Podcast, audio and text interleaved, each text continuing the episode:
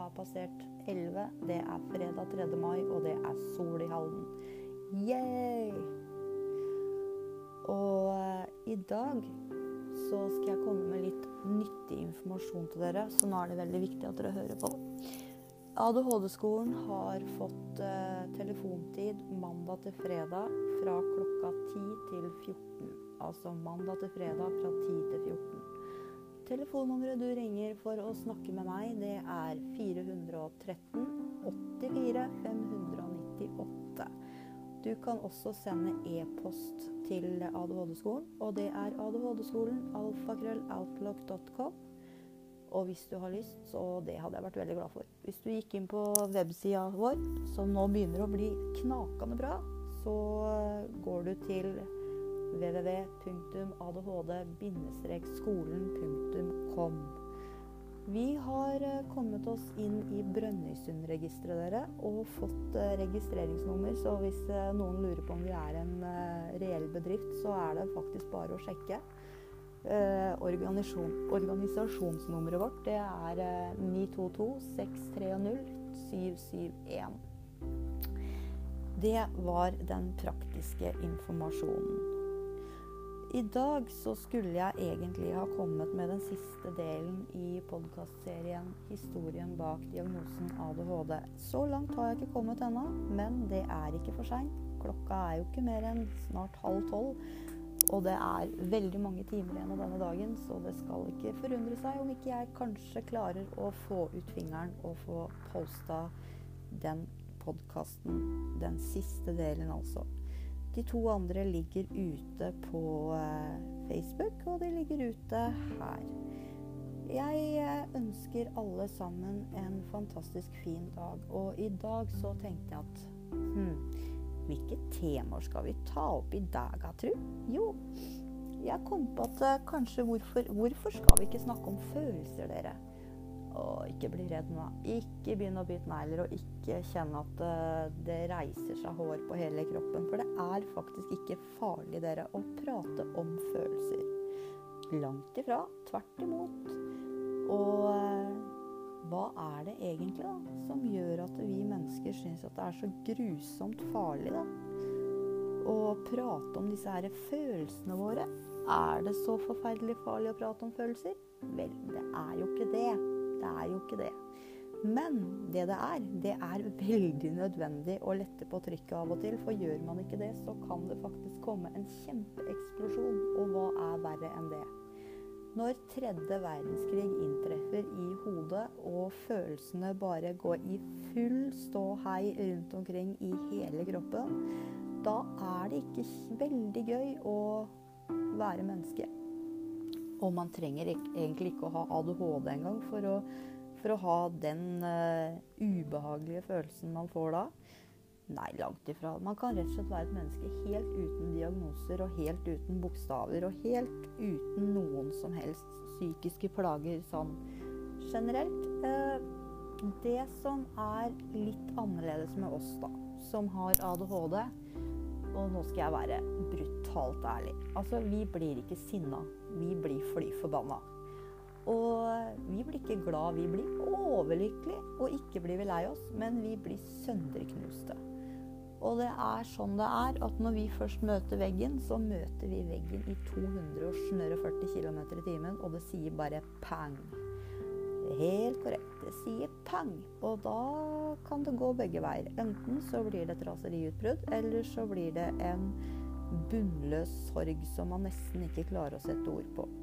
Jeg vet ikke om du som eh, kanskje bare kjenner noen med ADHD, men som ikke har ADHD sjøl, har lagt merke til det at eh, mennesker med ADHD, når de prater og beskriver og forteller og i det hele tatt, så bruker man veldig sterke ord når man skal sette ord på ting. Man sier f.eks. ikke at eh, Oi, i dag så har jeg vært ute og bada, og jeg har dykka, og jeg har stått på vannski. Nei, den historien høres sånn ut. I dag så har jeg tatt et skikkelig stup, altså fra timeteren, og jeg har dykka kjempelangt. Langt, langt under. Lenger enn alle de andre. Og du skulle bare sett meg når jeg sto på vannski. Herlighet! Jeg bare tok de utrolige triksa i lufta, vet du. Og landa på begge beina som en proff. Skjønner du hva jeg mener? Det er ikke sikkert at man egentlig landa på beina som en proff, eller dykka på dypet, eller tok et svalestup. Nei, i realiteten så kan det faktisk være snakk om at man hoppa ikke fra timeteren, men fra femmeteren. Man eh, tok ikke et svalestup, man landa med et skikkelig mageplask. Og når man skulle stå på vannski, så brukte man i hvert fall 10-20 forsøk før man i det hele tatt klarte å komme opp på beina. Og kom man først opp på beina, så var det ikke sikkert at man sto på de vannskia lenger enn kanskje to sekunder, og så gikk man på et snørra, så det sang. Ja, men greia er det at man beskriver jo ikke hva som i realiteten skjedde. Man beskriver følelsen av at man har prøvd, og man føler at man selv har mestra. Det er greia med oss med ADHD. Og istedenfor så får vi jo da høre hele tida Åh, kan ikke du slutte å overdrive? Eller det verste, kan ikke du slutte å ljuge? Og jeg kjenner at jeg blir nesten sinna bare jeg hører at noen liksom Åh, slutt å ljuge, liksom. For det er jo ikke snakk om å ljuge. Langt ifra. Vi med ADHD ljuger ikke. Er ikke det det er snakk om. Men ja, når vi setter ord på ting, så kan det innimellom hende at vi bruker litt sterkere ord enn det vi egentlig vanligvis verken burde og skulle og i det hele tatt. Men, men. Sånn er det noen ganger. Vi kan ikke alltid få alle til å forstå alt. Men det vi kan, det er å spre den gleden som vi føler i hjertene våre når vi får til noe. Fordi at når jeg Altså, dette her er ikke tull engang, vet du. Når jeg gikk på skolen, altså nå snakker jeg om ungdomsskolen, så uh, hadde jeg problemer med den der forbannede gangetabellen. Unnskyld uttrykket, men jeg hata matte. Og det var jo ikke fordi at jeg egentlig ikke var glup nok til å forstå matte. Det er ikke det det handla om i det hele tatt. Men det handla om det, da. At jeg hadde en lærer som uh, sa til meg på ungdomsskolen Sett deg bakerst i klasserommet Stine. Ti still, hold kjeft, liksom. Gjør det som du har lyst til å gjøre. Bare la oss andre være i fred. Og jeg syns jo det her var skikkelig plagsomt, egentlig. Men uh, greia var jo det at han ville ikke Altså, han nekta. Han var fast bestemt da, på at mennesker som meg, som han sa, skulle ikke komme seg opp og ut her i verden. Nei, nei. Mennesker med ADHD eller andre psykiske vansker, de hadde liksom i hans verden, da, så skulle ikke de bli noe. Og han dømte meg nord og hjem. Og han stempla meg som uintelligent. Og når en lærer stempler en elev som uintelligent og legger en diagnose til grunn, så kjenner man inni seg at det er ikke kjempeålreit. Det er ikke ålreit i det hele tatt. Så det som da skjer, da, det er jo at eh, Det er jo at eh, man eh, Uff. Katta mi driver og jager ei humle, vet du. Nå blei jeg forstyrra. Sånn, skal vi se.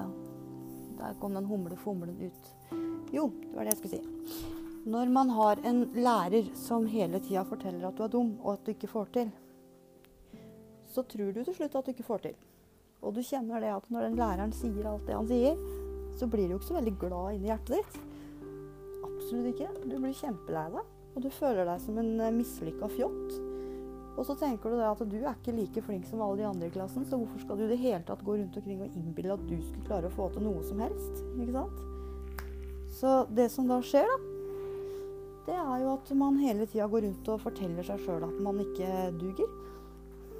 Og eh, når man gjør det lenge nok, ja, hva skjer da? Jo, man begynner å tro på dette her, da.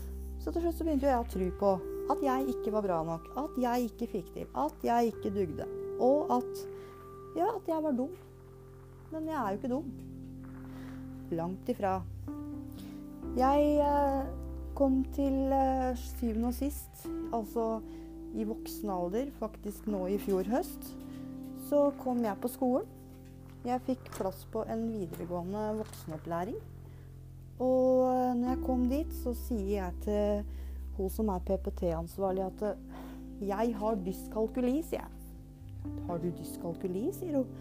Ja, jeg skjønner ikke matte. Jeg er skikkelig matteidiot. Jeg skjønner ingenting av matte, så matte det kan du bare drite i. Ingen får meg til å lære matte. Og så tok hun noen tester på meg, da. Og så sier hun til meg når jeg har tatt disse testene, at du, Stine Du har jo faktisk svart riktig, du, på i hvert fall 90% av alle oppgavene. Hæ, sier jeg. Jo, du har det. Nei, nei, sier jeg. Det har jeg ikke. Nå har du, nå har du surra, vet du. Nå, nå har du blanda oppgavene mine med noen andre elevers oppgaver. Nei, nei, nei. Det her går ikke. Ja, men Stine. Ok, greit. Ta den der prøven en gang til, så altså skal du få se at du er ikke dum. Jo, jo, jo. Jeg er jo superdum. Altså, dette her får ikke jeg til, ikke sant? Jeg har dyskalkuli. Og hun rister på huet og holder på å flire seg i hjel. Stine, nå må du slutte å være så påståelig. Har du diagnosen på papiret? Nei, sa jeg. Har jo ikke det, da. Nei, da har du ikke dyskalkuli, da, skjønner du. Å, har jeg ikke det? Nei, du har ikke det. Og du har egentlig ikke noe problem med matte i det hele tatt. Å, har jeg ikke det? Nei, du har ikke det. Nei, hva er greia? Stine, du har ikke dyskalkuli. Du har dårlig selvtillit fordi at noen har fortalt deg at du ikke duger, og du har vært så teit og trudd på det greiene der. Du har for rett og slett bare hjernevaska deg sjøl til å si at læreren, han hadde rett.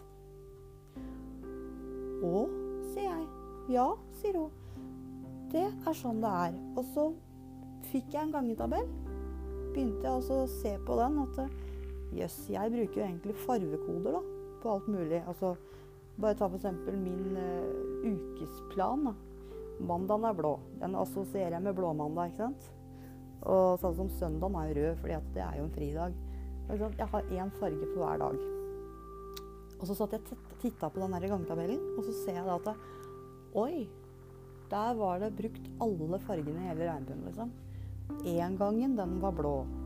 To gangen, den var gul. Skjønner jeg mener? Og sånn fortsatte nedover. Hver eneste sånn helt til ti-gangen. Hver eneste gange, altså 1, 2, 3, 4, 5, 6, 7, 8, 9, 10, hadde hver sin farge.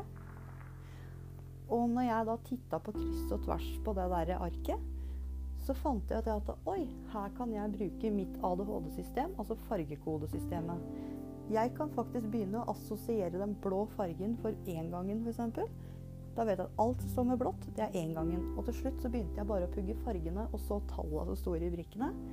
Og så ble det sånn systematikk oppi hodet mitt, var sånn helt på autopilot. Hvor det rett og slett ble et system, da, for å kalle det det. Og et system som funka.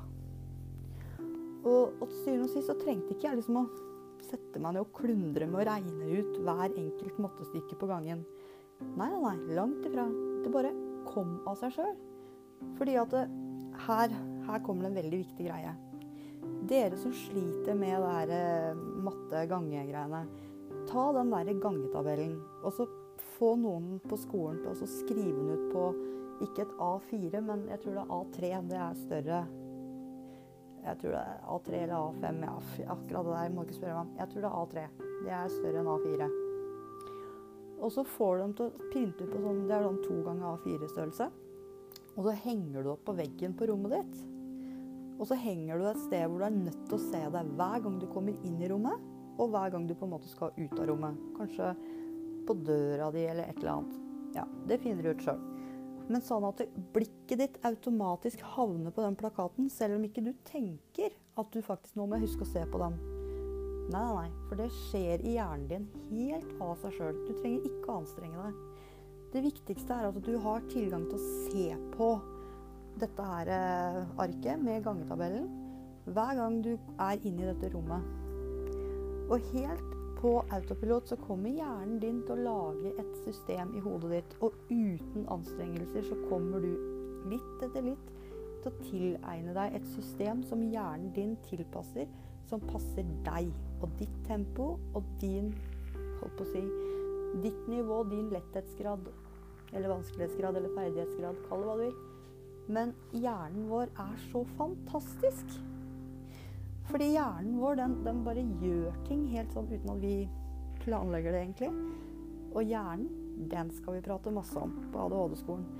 Det er faktisk grunnleggende pensum i alt som er av kurs og foredrag jeg holder, samtaler jeg har.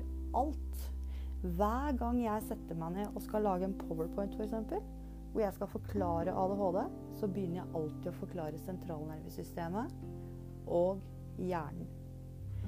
Jeg setter meg ned og forklarer om pannelappen, tinninglappen, ja, bakhodelappene, isselappene. ikke sant? Og hvilke funksjoner hjernen har, og hvor i hjernen de ulike sentrene sitter, og hvilke oppgaver de ulike plassene i hjernen har. Så det man lærer først hos meg, det er at hjernen og nervesystemet det er liksom det som kontrollerer kroppen vår. Da.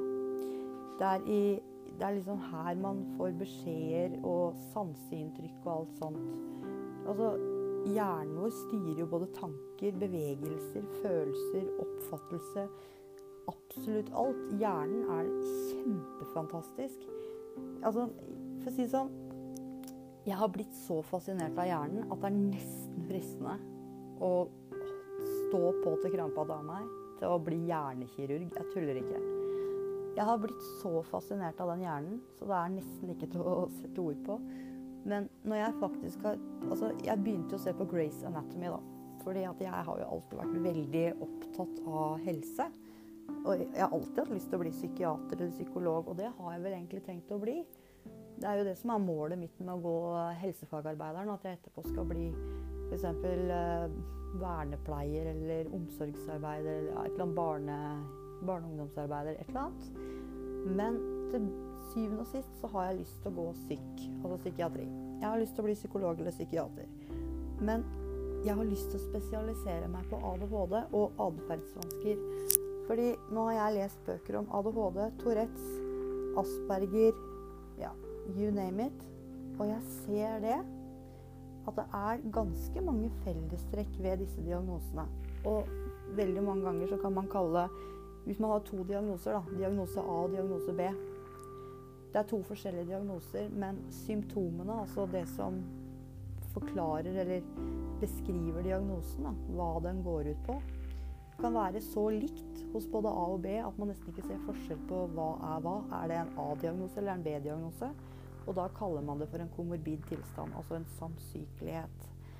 Og, og der har jeg et kjempeproblem. Ja, dette her er jeg kjempefascinert av, så jeg, bare, altså jeg bare skravler, jeg nå. Uh, ADHD, som jeg har, den sterkeste typen attpåtil, type 3. Altså kom, kombinert type. Vil si at jeg har både ADHD og ADD. Og på toppen her så har jeg da en emosjonell ustabil personlighetsforstyrrelse type borderline, som det så fint heter. Det vil da si at eh, jeg har måttet gå på masse kurs og masse terapi for å lære meg å regulere og styre mine følelser. Og, og på en måte få dem i balanse, da. Altså Følelsene mine skal ikke skape overreaksjoner som blir svære bøtter og hav, liksom. Det skal være på et stabilt, jevnt, kall det normalt nivå. Uh, og, og, så har jeg da forstått det sånn da, at uh, den ADHD-en min er også så emosjonelt prega at det var nesten vanskelig da jeg var barn å finne ut av om jeg var ustabil personlighetsforstyrrelse, altså borderline, eller om jeg hadde ADHD. Så det var derfor jeg brukte så lang, lang tid i psykiatrien fra jeg var sju-åtte ja, år. Helt fram til våren 2018. Da ble jeg faktisk skrevet. Da hadde jeg vært sånn 8-29 år i psykiatrien som pasient, liksom, før jeg ble friskmeldt og skrevet. Og da liksom sitter de der og sier de at det går ikke an å skille ADHD-en din fra noe borderline. Altså, du har begge deler. Og da har jeg gått igjennom så mange tester og prøver og utredninger, så du, jeg kunne skrevet bok om det, liksom. Men til syvende og sist, så med riktige spesialister på riktig fagfelt som tok de riktige grepa, greit nok mange år for seint, men i tide, da, i det minste, så kom de fram til at jeg har en Emosjonell ustabil personlighetsforstyrrelse, type borderline, den har jeg hatt helt fra jeg var baby. Og den fikk jeg da jeg ble tatt ifra min biologiske mor og sendt på barnehjem, for jeg skulle adopteres bort. Da var jeg tre dager gammel, og da mista jeg den mammakontakten. Og da fikk jeg bare pleiere, ikke bare, da, det er stygt å si, men jeg fikk pleiere og ikke mamma. En, mamma, en mammafigur til å ta vare på meg. Og, og, det er jo worst case scenario for et spedbarn. da. Så jeg havna litt sånn derre Det var krise for meg, liksom. Uh, og så bodde jeg på et barnehjem i tre måneder før jeg skulle adopteres bort. Og så fikk jeg da fantastiske adoptivforeldre, som for meg er den eneste mammaen og pappaen jeg kjenner. ikke sant? For det er de jeg vokste opp med, og det er de som alltid har vært der, og de som er der ennå. Og, og, så fikk jeg da, altså hadde jeg da ADHD fra før av, medfødt. Fordi ADHD er jo mangel på dopamin i frontallappen, eller i pannelappene som det heter på fagspråket. Og når man da mangler dopamin der, så får man jo symptomene av ADHD. Ukonsentrert, hyperaktiv, impulsiv, you name it. Og tenk på det å både være ADHD-unge, for å kalle det det, i et samfunn som ikke engang visste hva ADHD var, pluss at jeg var så overemosjonell og ikke visste hvordan jeg skulle regulere og kontrollere og holde orden på følelsene mine. Altså, Én ting er greit at man har overflod av følelser fordi man har ADHD. En annen ting er når man har borderline og ikke klarer fordi man ikke har lært åssen man skal regulere følelsene sine. Altså, Det er jo ikke rart det blir vanskelig da, liksom. Og da kan du tenke borderline og ADHD, det er da en krasj. Altså, De ser nesten ut som blått og hvitt, nei, blått og rødt som går sammen og blir lilla. Ikke sant? Og så var det da den siste diagnosen som ikke jeg visste at jeg hadde. Den fikk jeg ikke vite om før jeg var voksen. Ikke den heller. ADHD jeg visste om hele tida, men borderline visste jeg ikke om før jeg ble voksen. Og den siste, det var PTSD, altså posttraumatisk stressyndrom, som det egentlig heter. Og den fikk jeg jo fordi at når jeg ble tatt fra min biologiske mor, så skriker dette indre barnet mitt 'hjelp, nå dør jeg'. Jeg har også vært i mors liv i rus, hennes rusmisbruk. Jeg har eh, som spedbarn, altså foster i mors liv, så har jeg blitt tyta kroppen min full av heroin og alkohol og alt mulig drit. Og da jeg kom til verden, så var jeg blå som en smurf, og det var rett på avrusning. Altså, den trodde jeg skulle dø, liksom. Uh, og da kan du jo sjøl tenke deg at når du da får en posttraumatisk stress som spedbarn, Altså før du blir født, til og med. Der har du bare to typer. Den ene er inni mors liv, hvor du blir rusa ufrivillig og bare skriker 'hjelp, nå dør jeg', for jeg har heroin i kroppen. Og nummer to er 'jeg blir tatt fra mor mi'. Og 'hjelp, hvem skal ta vare på meg'? Og så har jeg da ADHD med masse følelseskaos. Og det siste er borderline hvor jeg ikke klarer å regulere eller kontrollere eller stabilisere følelsene. Det bare pang! Akkurat som en vulkan. Så kan jeg gå ifra å være det søte, snille lille lammet til å bli den store, stygge Satan med panna full av horn. Altså sånn metaforisk billedlig forklart. Og mange mennesker trodde nok det at eh, jeg hadde raseriutbrudd og ja, hva skal vi kalle det eh, sinne Altså, jeg trengte sinnemestring, men det var ikke det jeg trengte. Jeg trengte egentlig bare å få fakta om hva jeg egentlig sleit med, og hva det kom av. Og litt veiledning på hvordan kan du bli kvitt dette her.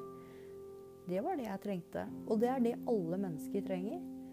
Man trenger å få ordentlig grundig forklart hva er det egentlig som feiler meg? Hvorfor er det sånn? Hva kommer det av? Og hva kan vi gjøre med det?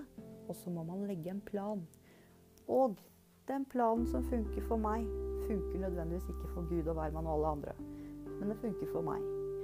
Og det her er hovedfokus når jeg driver ADHD-skolen. Det er at når jeg skal prate med enkeltindivider, holdt jeg på å si, altså enkeltpersoner som har ADHD, så vet jeg det at veldig mange, og særlig de som er voksne, har fått diagnosen for sent. De fikk den ikke som barn. De har ikke fått oppfølging som barn.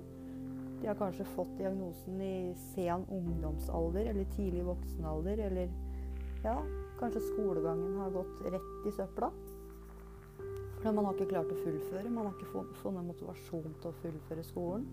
Man har vært rett og slett lei fordi at man syns det er et slit å aldri føle at man har mestringsevne på skolen. Eller mestringsfølelse. Og så gidder man ikke, for selvfølgelig gidder man ikke. Det sier seg selv. Hvis du går og føler at du stanger i veggen gjennom hele barne- og ungdomsskolen Det er nesten så det ikke er fristende å søke videregående engang, men du prøver jo, da. hvis du kommer så langt. Det er ikke alle som gjør det heller, nemlig. Og så kommer man på videregående, og så driter man på draget fordi at man tar på seg for mye. Fordi at da skal man gå ut i 210 og ny frisk og tralala. Men ta det med ro. Jeg har et veldig, veldig, veldig, veldig godt råd til dere som går fra ungdomsskole til videregående. Når dere skal søke på videregående, selvfølgelig søk særskilt. En annen ting er når dere kommer på videregående, så sørg for at den pedagogiske ansvarlig, altså PPT-ansvarlig, kan sette seg ned med deg, og også kanskje foreldrene dine, og skreddersy en plan. Og det er mulig å dele opp skolegangen i flere år, så du slipper å få alle faga første året. Jeg har gjort det. Så når jeg begynner på skolen igjen til høsten, så skal jeg begynne på helse- og oppvekstfag. Og den, den studieretningen her, eller den VG1 og VG2, det er to år. Fordi at jeg har ADHD, så får jeg lov til å bruke fire år på den utdanninga. Altså på den skolegangen på videregående som andre bruker to år på.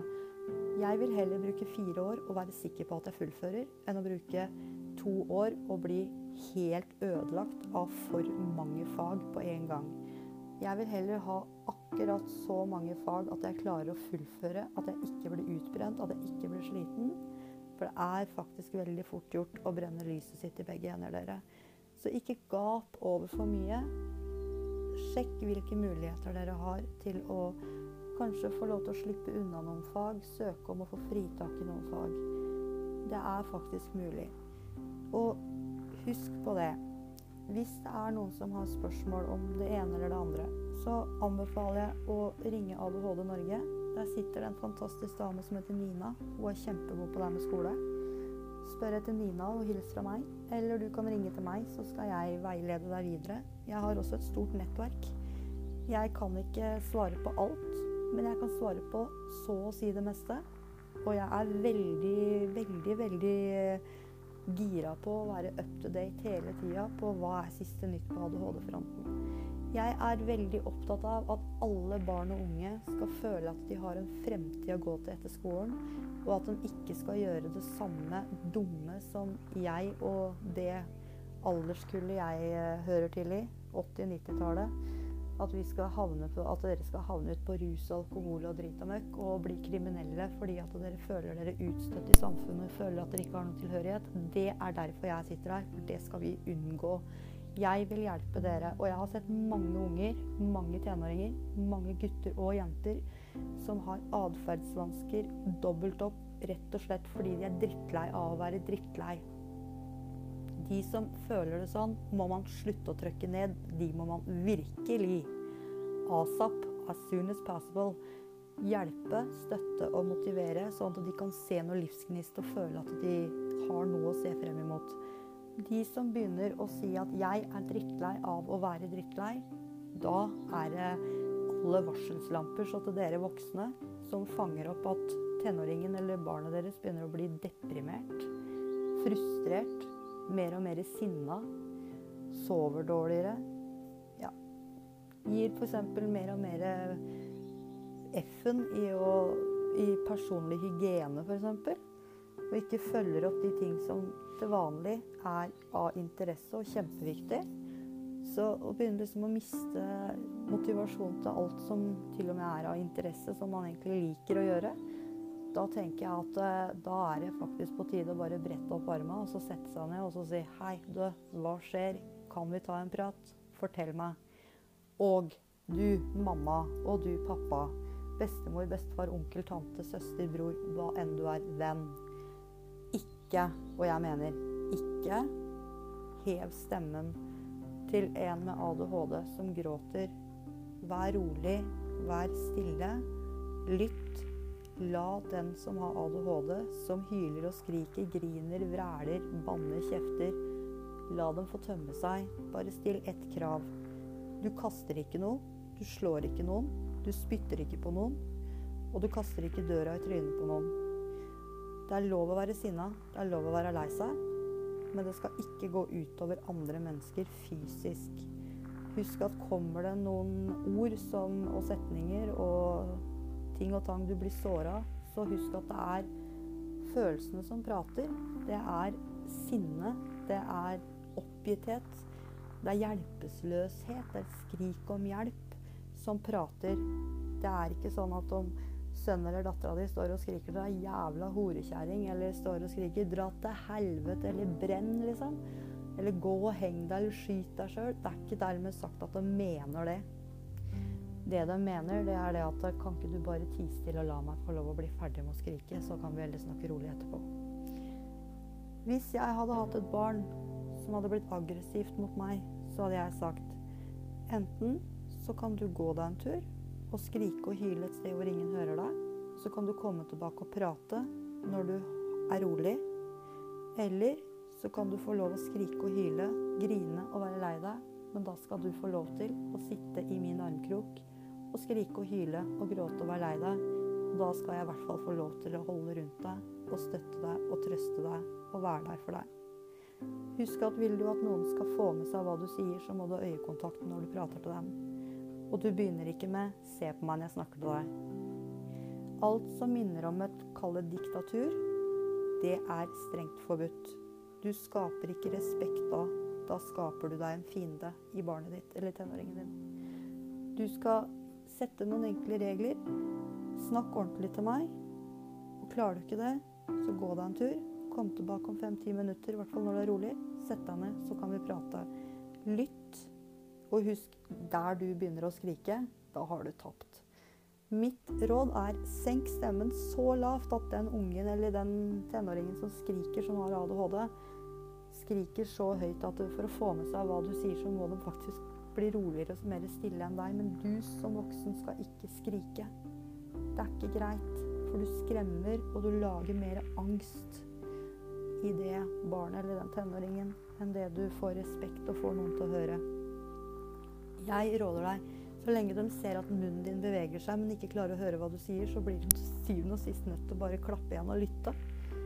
Og hvis ikke de klarer det heller, så bare går du og lukker en dør bak deg, og så går du ut, og så lar du dem bare være. Om noen spiller noe rockemusikk eller rapp eller punk eller tekno litt for høyt, så la dem få spille et par-tre sanger da, hvis det hjelper dem. Kjøp en boksesekk da, hvis du er drittlei av at eh, glass blir knust og dører blir smadra. Gi dem en boksesekk. Heng den ut i et tre. Nå er det sommeren. Kjøp boksehansker. Da kan du i hvert fall ikke skade andre eller knuse inventar. Og det er faktisk sånn at når mennesker med ADHD møter veggen så mange ganger at de ikke vet om de tåler å møte den en gang til, da er det noe som er feil. Og det er ikke den eh, tenåringen eller det barnet sin skyld, altså. For det er vi voksne rundt dem, både skole og familie, og også hjemmet og kommunikasjon mellom skole og hjem er superviktig. Det er noe med det at man skal, eh, man skal faktisk huske på det at de rammene man bygger hjemme, og det som er grunnlaget hjemmefra, og det som er avtalt mellom skole og hjem, det skal funke for det barnet det handler om, og det skal funke for den tenåringen. Det er lov å inngå kompromisser. Det er lov å jekke seg. Det er ikke snakk om å være holdt på å si militærpoliti. Prøv heller også å være en rolig og god og vennlig, forståelsesfull og lærevillig, lærelysten voksen som har lyst til å forstå hva er det som egentlig skjer inni ungen min. Og med disse ordene så tenker jeg at eh, jeg sier takk for nå. Og så husk det er lov å sende ris og ros, og det gjør du til ADHD-skolen alfakrølloutlock.com. Husk websida vår www.adhd-skolen.com. Du kan ringe meg mandag til fredag fra 10 til 14 på telefon 413 84 598. På gjenhør og ha en super dag!